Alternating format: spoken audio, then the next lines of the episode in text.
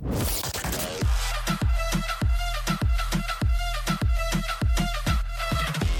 Dara, Gue Laila, and this is Kejar Paket Pintar.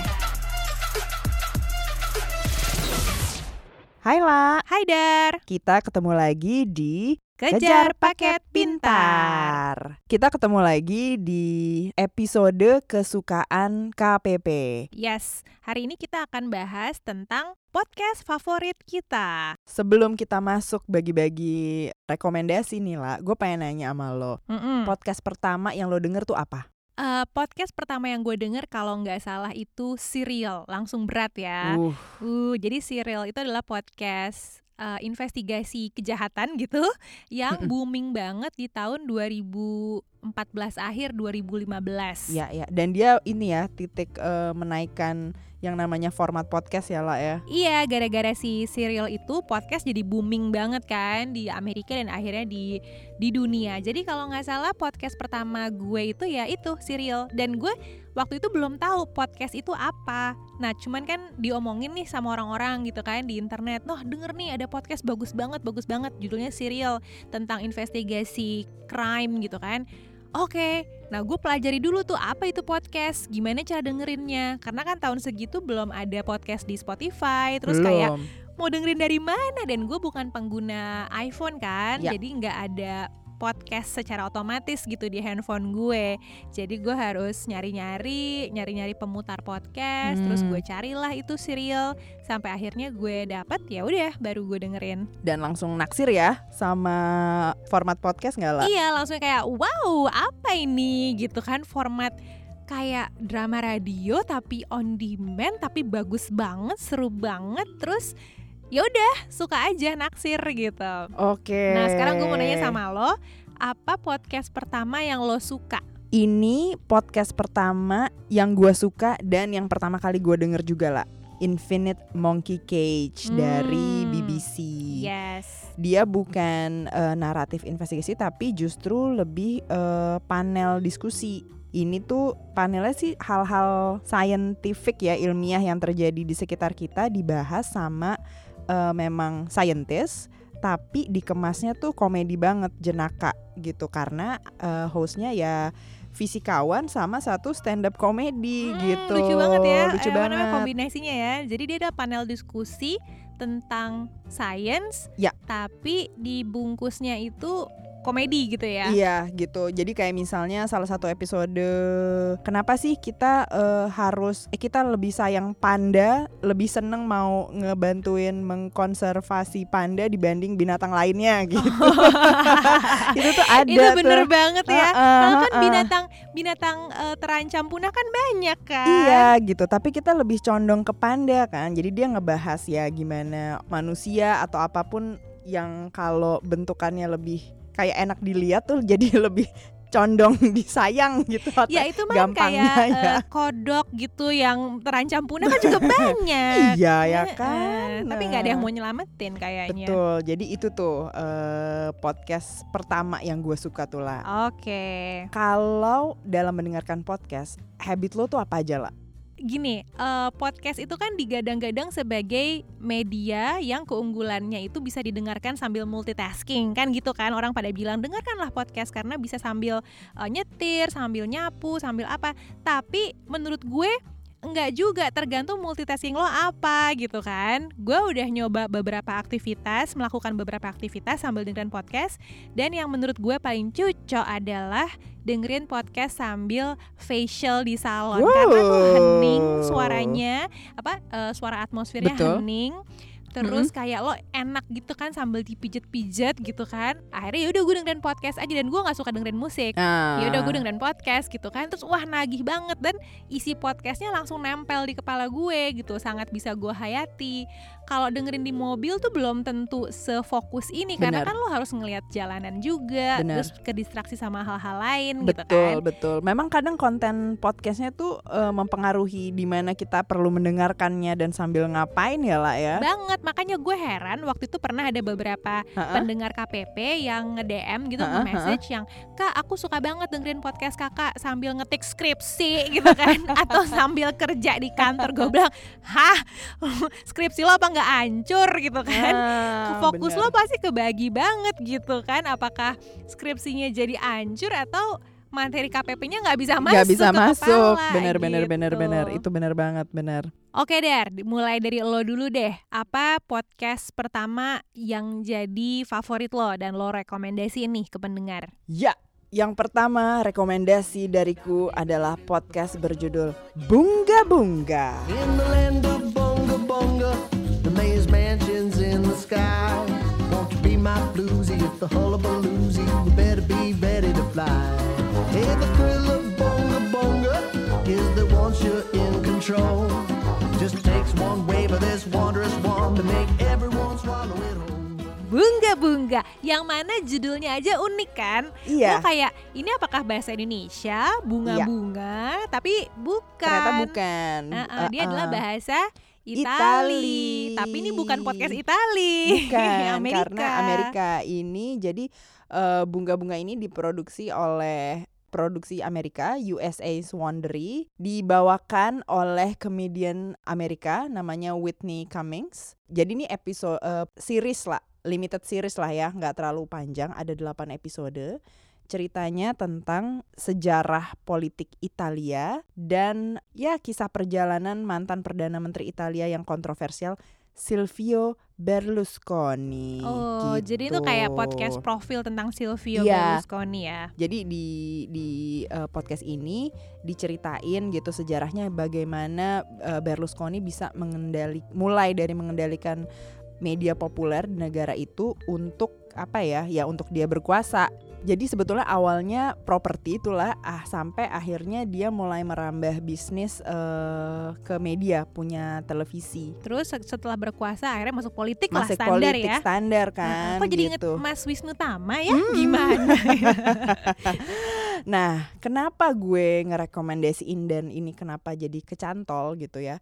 Pertama dari konten ceritanya ini sendiri gitu. Gua gua pribadi eh, mudah sekali kecantol cerita-cerita powerful man gitu Hmm. yang yang kemudian eh, jatuh kena skandal gitu. Jadi kadang-kadang pengen tahu gimana sih cerita mereka tuh memulai karirnya, terus gimana mereka eh, mau mengontrol dunia demi kekuasaan tuh terus berlanjut gitu. Em, juga mungkin gua kutip dari si hostnya itu sendiri gitu. Kenapa menurut dia dia mau ya terlibat di eh, produksi podcast ini gitu. Dia bilang gini. "Uh, so the series points a little toward historical patterns, human nature, the ability to brainwash and influence masses, how power corrupts humans, and what it takes to restore a civilization to sanity and justice. Nah, menurut gue si bunga-bunga ini kalimat pertamanya aja tuh udah udah kehook banget gue. Dia cuma bilang gini, what is bunga-bunga? Hmm. gitu kan ya gue ya apa sih gitu terus yang kayak oke deh gue akan eh, ngikutin nih memang worth it gue ikutin eh, sampai habis. Pertama dari segi produksinya alur storytellingnya tuh juga menggugah gitu. Apalagi dibawakan sama seorang komedian stand up comedian jadi intonasi-intonasi naskah tuh terasa pas gitu. Jadi dia bisa mentransfer emosi cerita gitu. Ditambah bercandaan satir dan nyindir karena ini kan ceritanya lumayan berat ya lah Mm-mm. politik gitu Iya. gue langsung wah ini engaging banget dan dari 8 episode menurut gua nggak ada semuanya sama gitu dinamikanya kuat semua menurut gua nggak ada yang flat lah gitu Hmm, jadi nggak ada episode yang jelek sendiri gitu nggak ada ya. menurut gua nggak ada Kita harus bahas nih apa sih sebenarnya arti bunga-bunga? apa Artinya orgi kan ya saya. Betul. Seks orgi bukan? Seks orgi Gue gue belum dengar eh, podcast bunga-bunga sampai selesai ya. Gue Ya. sempat dengar beberapa episode lah dan gue setuju banget sama semua poin lo. Memang bagus, menarik, produksinya tuh bagus dan kisah yang eh, berat ini sebenarnya itu Ya. bisa disajikan dengan ringan dan penuh humor gitu kan. penuh humor Dan bunga-bunga itu artinya seks orgi karena Abang Silvio nih Ih, demen demen dia ya seks nih demennya, konon Kak. ya. Dia dia udah menyiapkan, dia punya dia beli properti villa gede banget ya di situlah bunga-bunga terjadi. terjadi. Nah sekarang gue mau kasih rekomendasi podcast eh, dari gue ya dari ya. Yoi. Salah satu podcast favorit gue. Kayaknya gue nggak mungkin nggak nyebut This American Life. Betul sekali.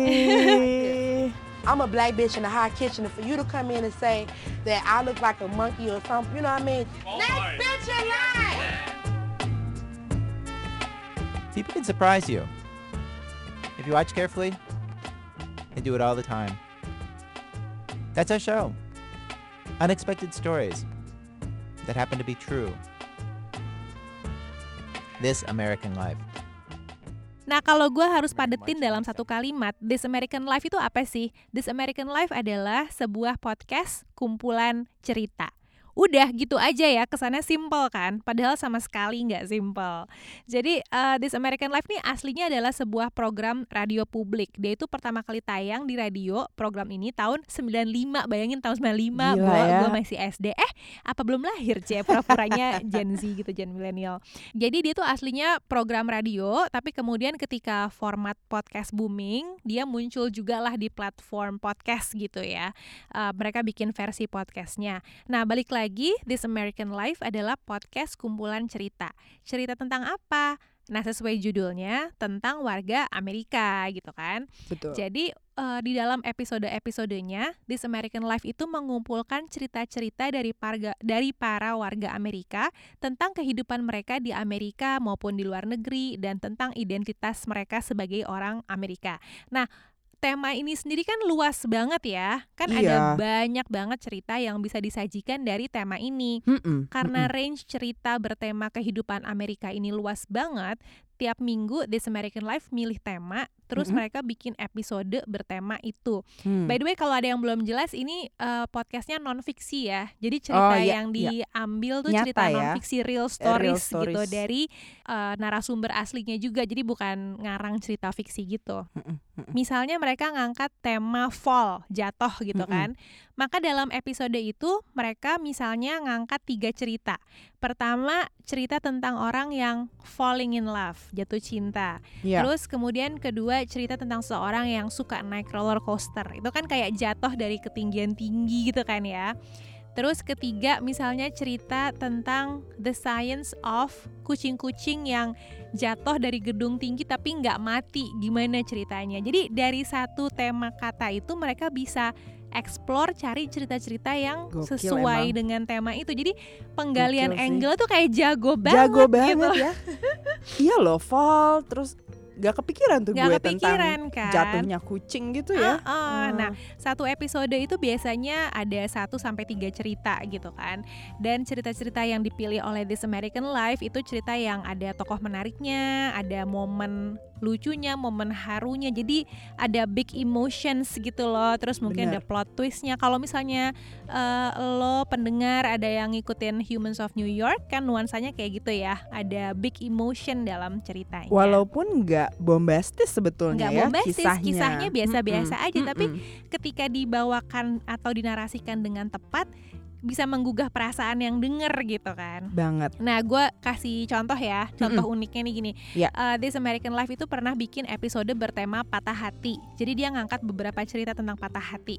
Salah satu cerita yang dia angkat adalah cerita tentang seorang remaja perempuan namanya Starly. Starly ini patah hati lah karena dia baru putus sama cowoknya. Mm-mm. Uh, terus dia cerita ke Hmm. hostnya This American Life tentang gimana dia ketemu cowoknya, jatuh cinta, pacaran segala macam, sampai akhirnya mereka putus, diputusin dianya. Ketika mereka pacaran, salah satu lagu kenangan mereka nih adalah Mm-mm. lagunya Phil Collins Ya. yang Against All Odds. Oh, Take a look at me now.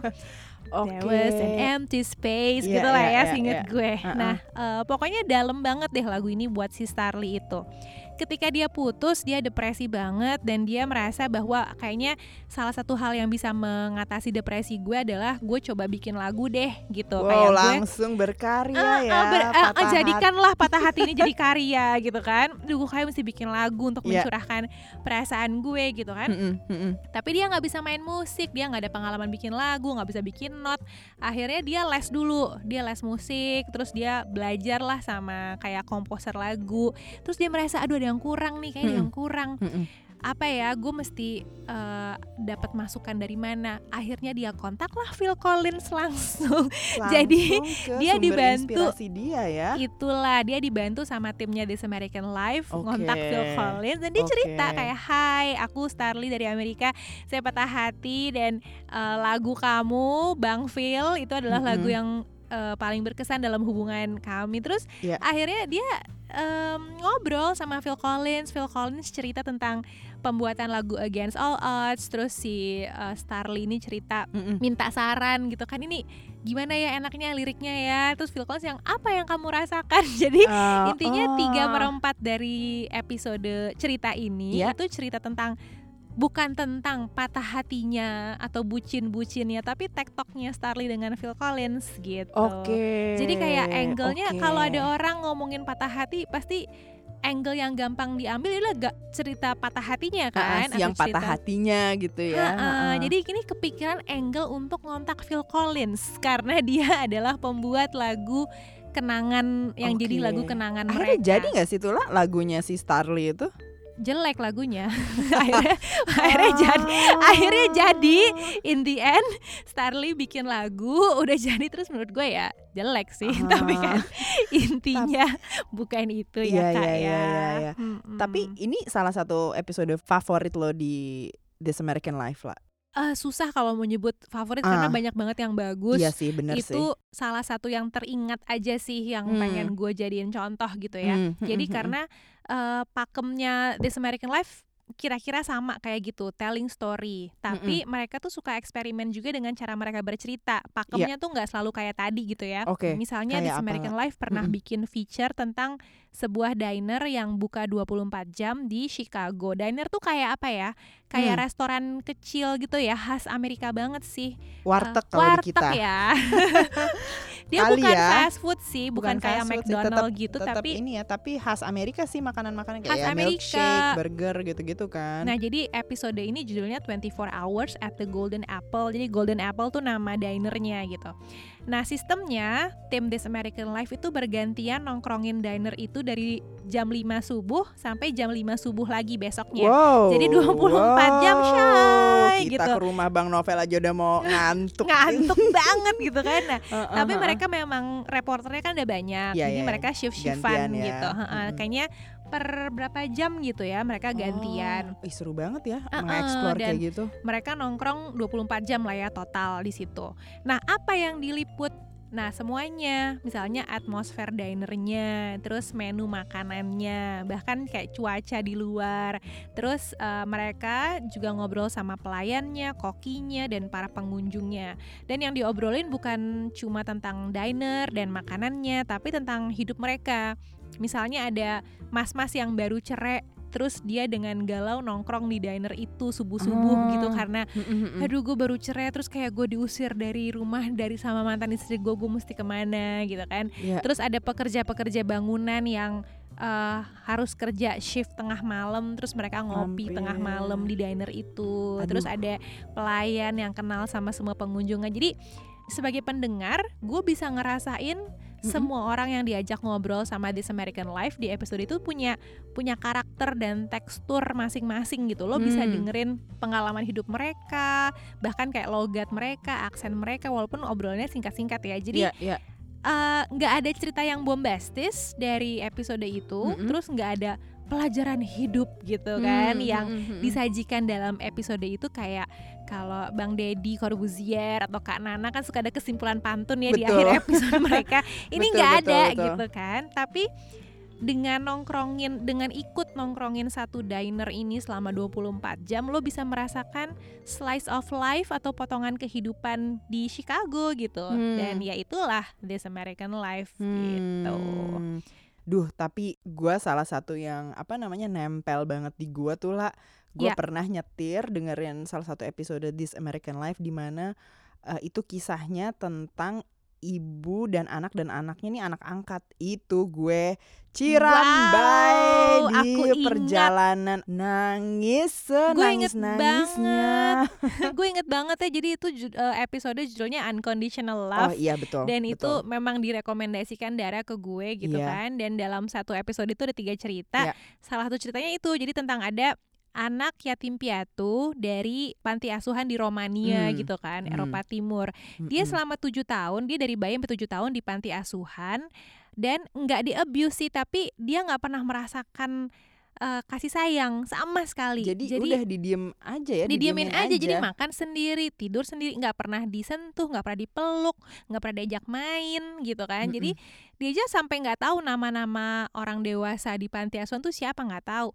Sampai akhirnya dia diadopsi sama sepasang suami istri dari Iya, Amerika. Dari Amerika. Ya itu mah maksudnya gimana sih anak tujuh tahun nggak pernah disayang mentalnya terganggu banget kan. Mm-mm, jadi setelah diadopsi udah kayak di film-film horor aja tuh ngamuk trau apa eh, bukan trauma apa sih kayak tantrum, tantrum. tantrumnya tapi Mm-mm. parah loh. Parah banget. Jadi gue sempet kayak baca lagi transkripnya itu sesekali tantrum tuh 7 jam. Ih, metong gak sih lo? Sampai gila gila sampai gila sih. semua perabotan dikeluarin dari kamarnya cuma ada kasur doang.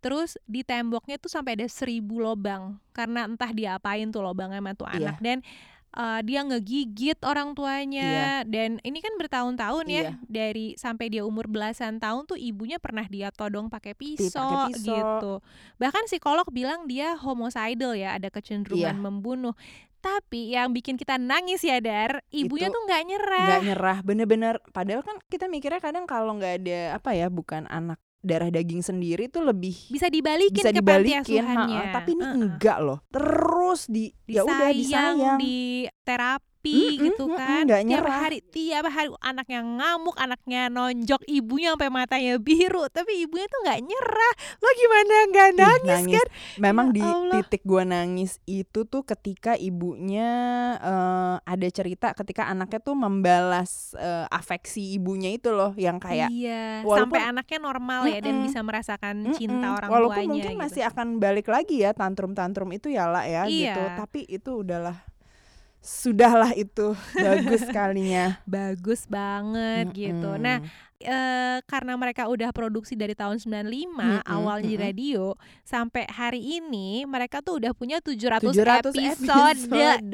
Mabok nggak lo? Jadi kalau misalnya lo mau dengerin This American Life Iya. terus bingung mau mulai, dari mana, ya? Mhm. eh, lo bisa ke websitenya, di googling aja, terus cari ada webs ada halamannya, namanya eh, New to American Life. Nah di situ mereka itu me- merekomendasikan episode-episode yang jadi andalan para produsernya gitu. Kayak Hmm, lo coba dengerin mm-mm. ini dulu deh gitu. Ini nih yang andalan-andalan kita gitu. Hmm. Giliranku membagi rekomendasi kedua. Mari kak. Judulnya adalah The Missing Crypto Queen dari BBC Sound. One family! You're amazing, guys. Dr. Ruja promised to make the world rich through a revolutionary new cryptocurrency. I believe what makes us different is our vision. We are more than just one coin.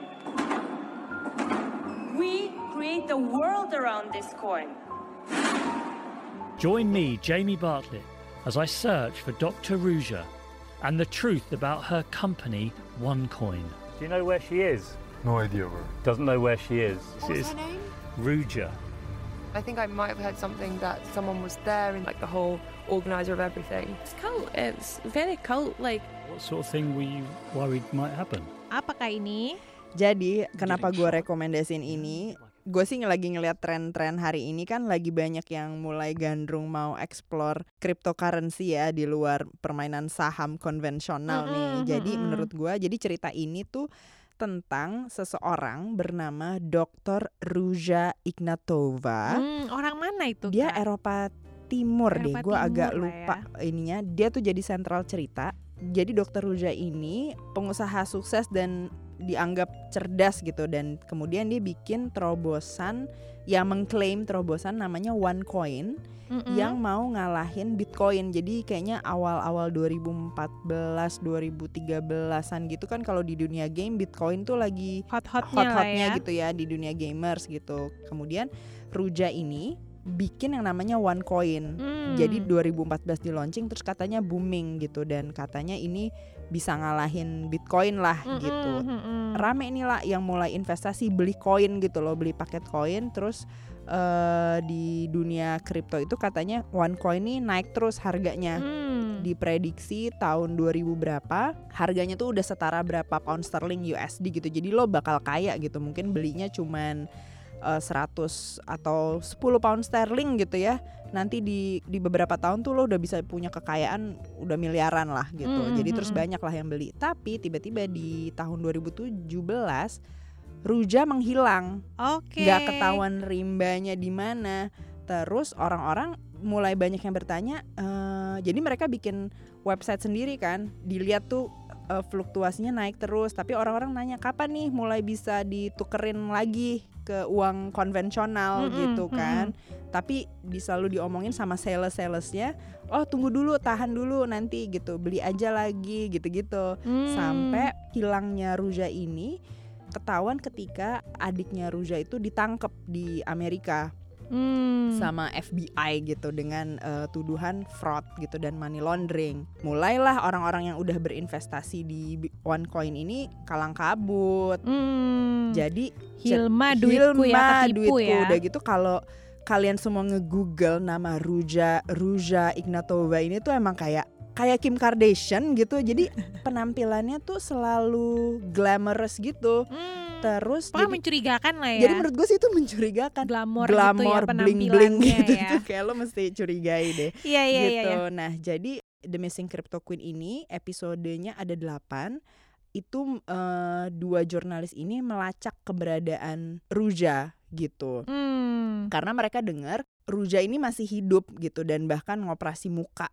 gitu. Jadi mereka mau ngelacak keberadaannya gitu sambil Oke. sambil di setiap episodenya dijelasin eh, korban-korbannya si OneCoin ini dan sampai sekarang kan masih belum ketemu nih Ruja di mana. Tapi OneCoin ini nih katanya masih terus ada dan eh, di beberapa episode tuh mulai ketahuan bahwa ada link-link kayaknya sama mafia-mafia Eropa Timur gitu. Jadi ini eh, OneCoin memang jadi tempat transaksi-transaksi ilegal gitu dan Oke. dan banyak kepolisian yang ketika ada orang-orang yang tertipu ini minta diusut mereka nggak bisa ngusut gitu kayak entah belum masuk jurisdiksinya atau terlalu luas karena dunia digital kan suka susah tuh ala KBGO gitu Iya iya iya bener kan? bener banyak Uh-uh. keterbatasan banyak mentok.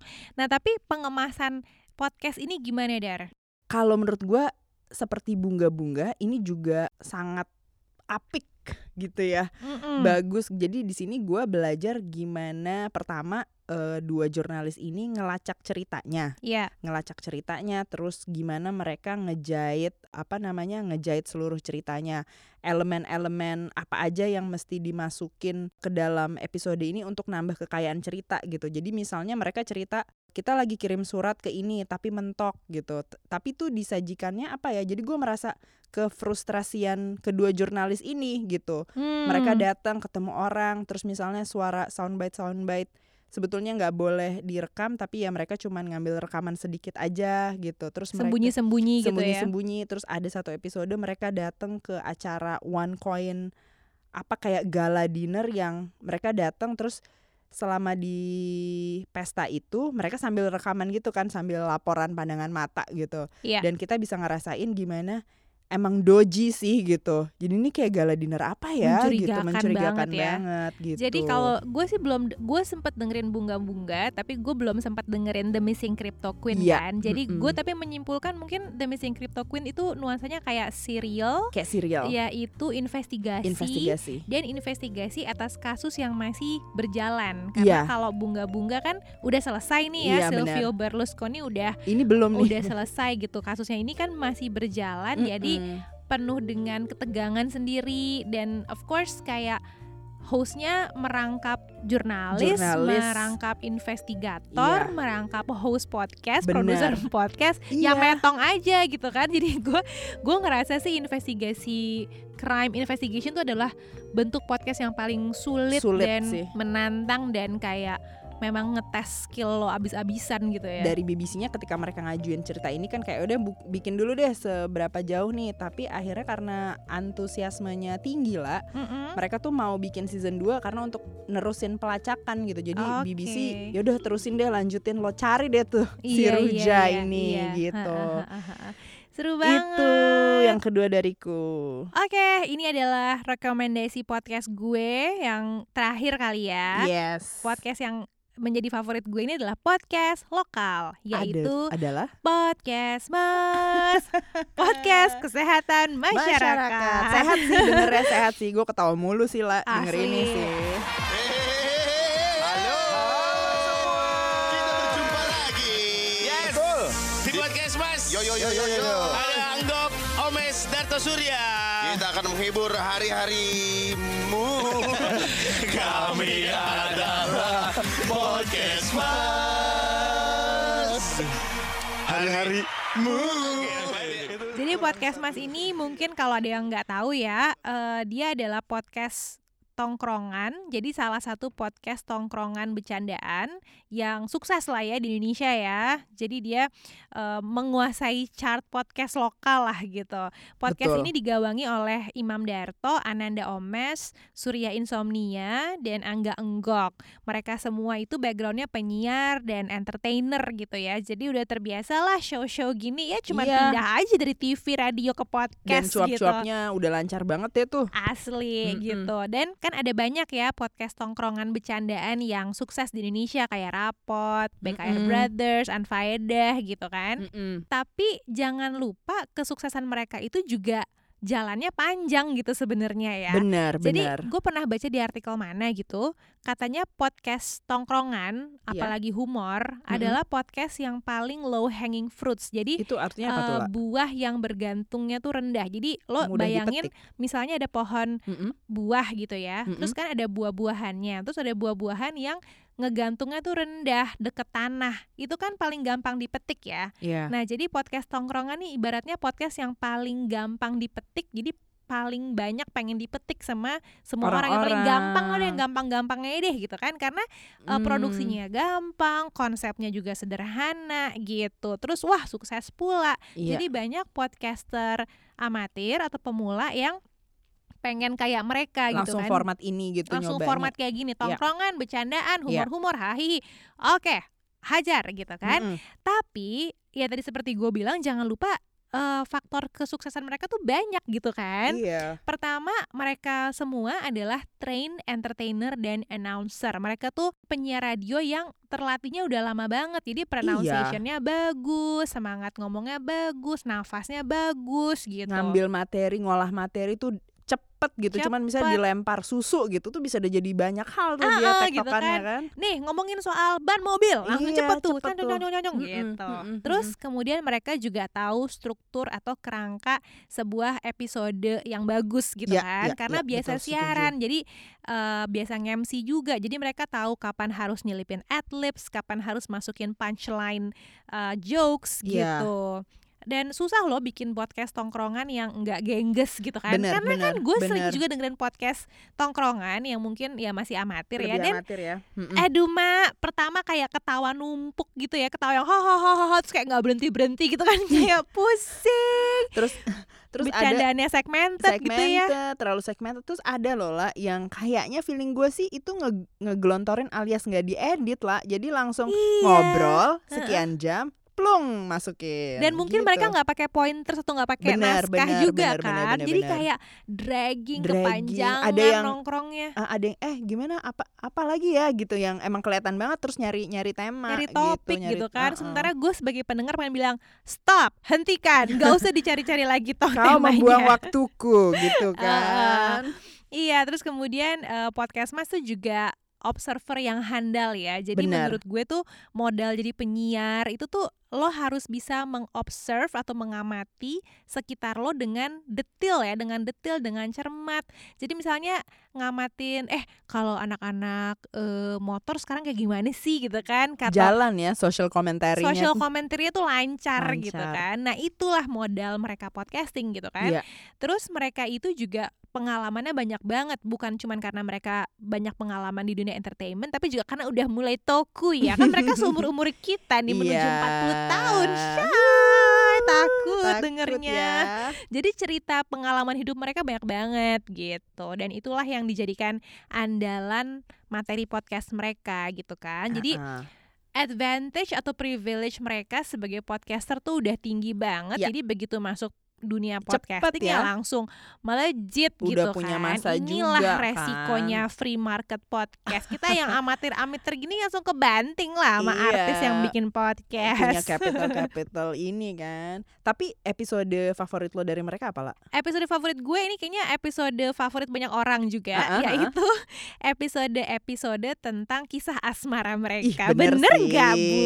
Bener. Gue yang kisah eh, kapan ciuman pertama itu aja udah bikin hihihi Ngakak ya, kesel ya. kesel gitu. Gue tuh kalau kan. dengerin podcast mah kan suka kayak di tempat umum gitu kan Atau kayak Ketawa. nidurin anak gue Iya. Terus kayak kan gue harus nahan ketawa Iya, kan iya, Jadi iya. kayak yang pundak geter-geter gitu kayak gitu Aduh. Nahan ketawa gue heeh.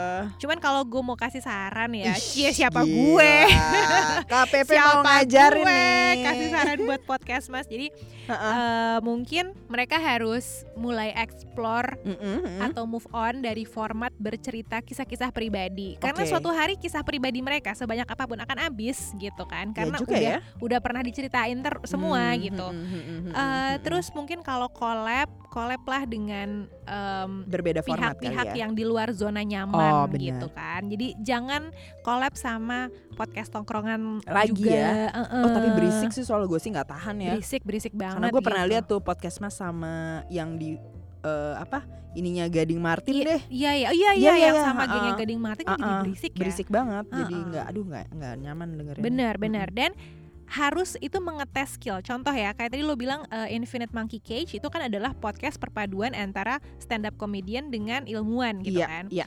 Eh, tapi tetap jadi keren hasilnya. Benar. Nah, eh, mereka misalnya podcast Mas eh, kolaborasi dengan ilmuwan juga gitu Ih, kan. itu bisa ya. Hasilnya itu harus lucu tanpa ngecengin, tanpa, Tanpa ngeledek. Karena mereka kan modalnya ngeledek kan, saling ngecengin benar. gitu. Gimana ngelatih nggak apa namanya slapstick gitu kan? Ah, ah. Heeh. Karena gini, pernah Darto, Imam Darto Mm-mm. itu kolaborasi dengan vlogger hantu. Siapa tuh? Itu Eh, cerita Risa, Risa, Risa, jurnal jurnal Risa. Risa. Heeh, Ha-ha. heeh. Jadi si Darto itu mewawancarai Risa, Teh Risa Mm-mm. dari jurnal Risa, mm-mm. sebuah vlog eh, hantu gitu Iya. kan. Jatuhnya Darto tuh banyak dikritik karena dia jatuhnya ngecengin, ngeledek.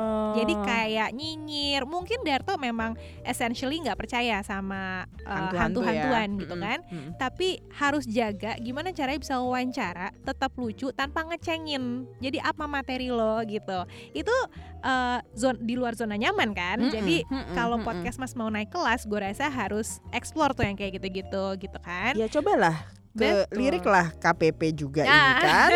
itu pesan utamanya gitu kan terus mungkin juga explore bentuk kayak keluar studio deh lo gitu kan atau a Hmm. day with mereka sih pernah sih podcast mas tuh kayak Oh ya? bikin podcast Ke mana? sambil nyalon mani pedi Oh gitu God, tuh kayak di endorse sama tuh. salon lucu banget ya jadi Ah. mereka kayak eh, ngelawak sambil ih aduh geli banget mbak aduh saya diapain tuh mbak aduh pokoknya terlihat cemen sekali mereka Iya, ya iya, cowok-cowok iya, ini Oke. Terus misalnya pernah kayak podcasting bareng sambil lagi liburan gitu di Bali, jadi di Hmm. outdoor juga. Jadi bisa dieksplor lah hal-hal kayak gitu. Hmm. Begitu. Jadi kira-kira itulah tadi empat podcast rekomendasi dari gue dan Dara. Betul. Terus mungkin lo juga bisa sharing apa sih podcast favorit lo gitu kan? Iya. Entah jenisnya atau mungkin episodenya atau suka tipe yang seperti apa? Apakah podcast horor mungkin atau Mm-mm. serius atau lucu-lucuan gitu kan? Boleh dong ceritain ke kita. Kita pengen Bisa. juga ya denger ya nambah-nambah rekomendasi nih. Betul, bisa komen atau DM di uh, Instagram at kejar underscore paket underscore pintar atau di Twitter at, At underscore K KPP. PP. K A P E P E. Oke, Oke, thank you. thank you. See you next time. Bye.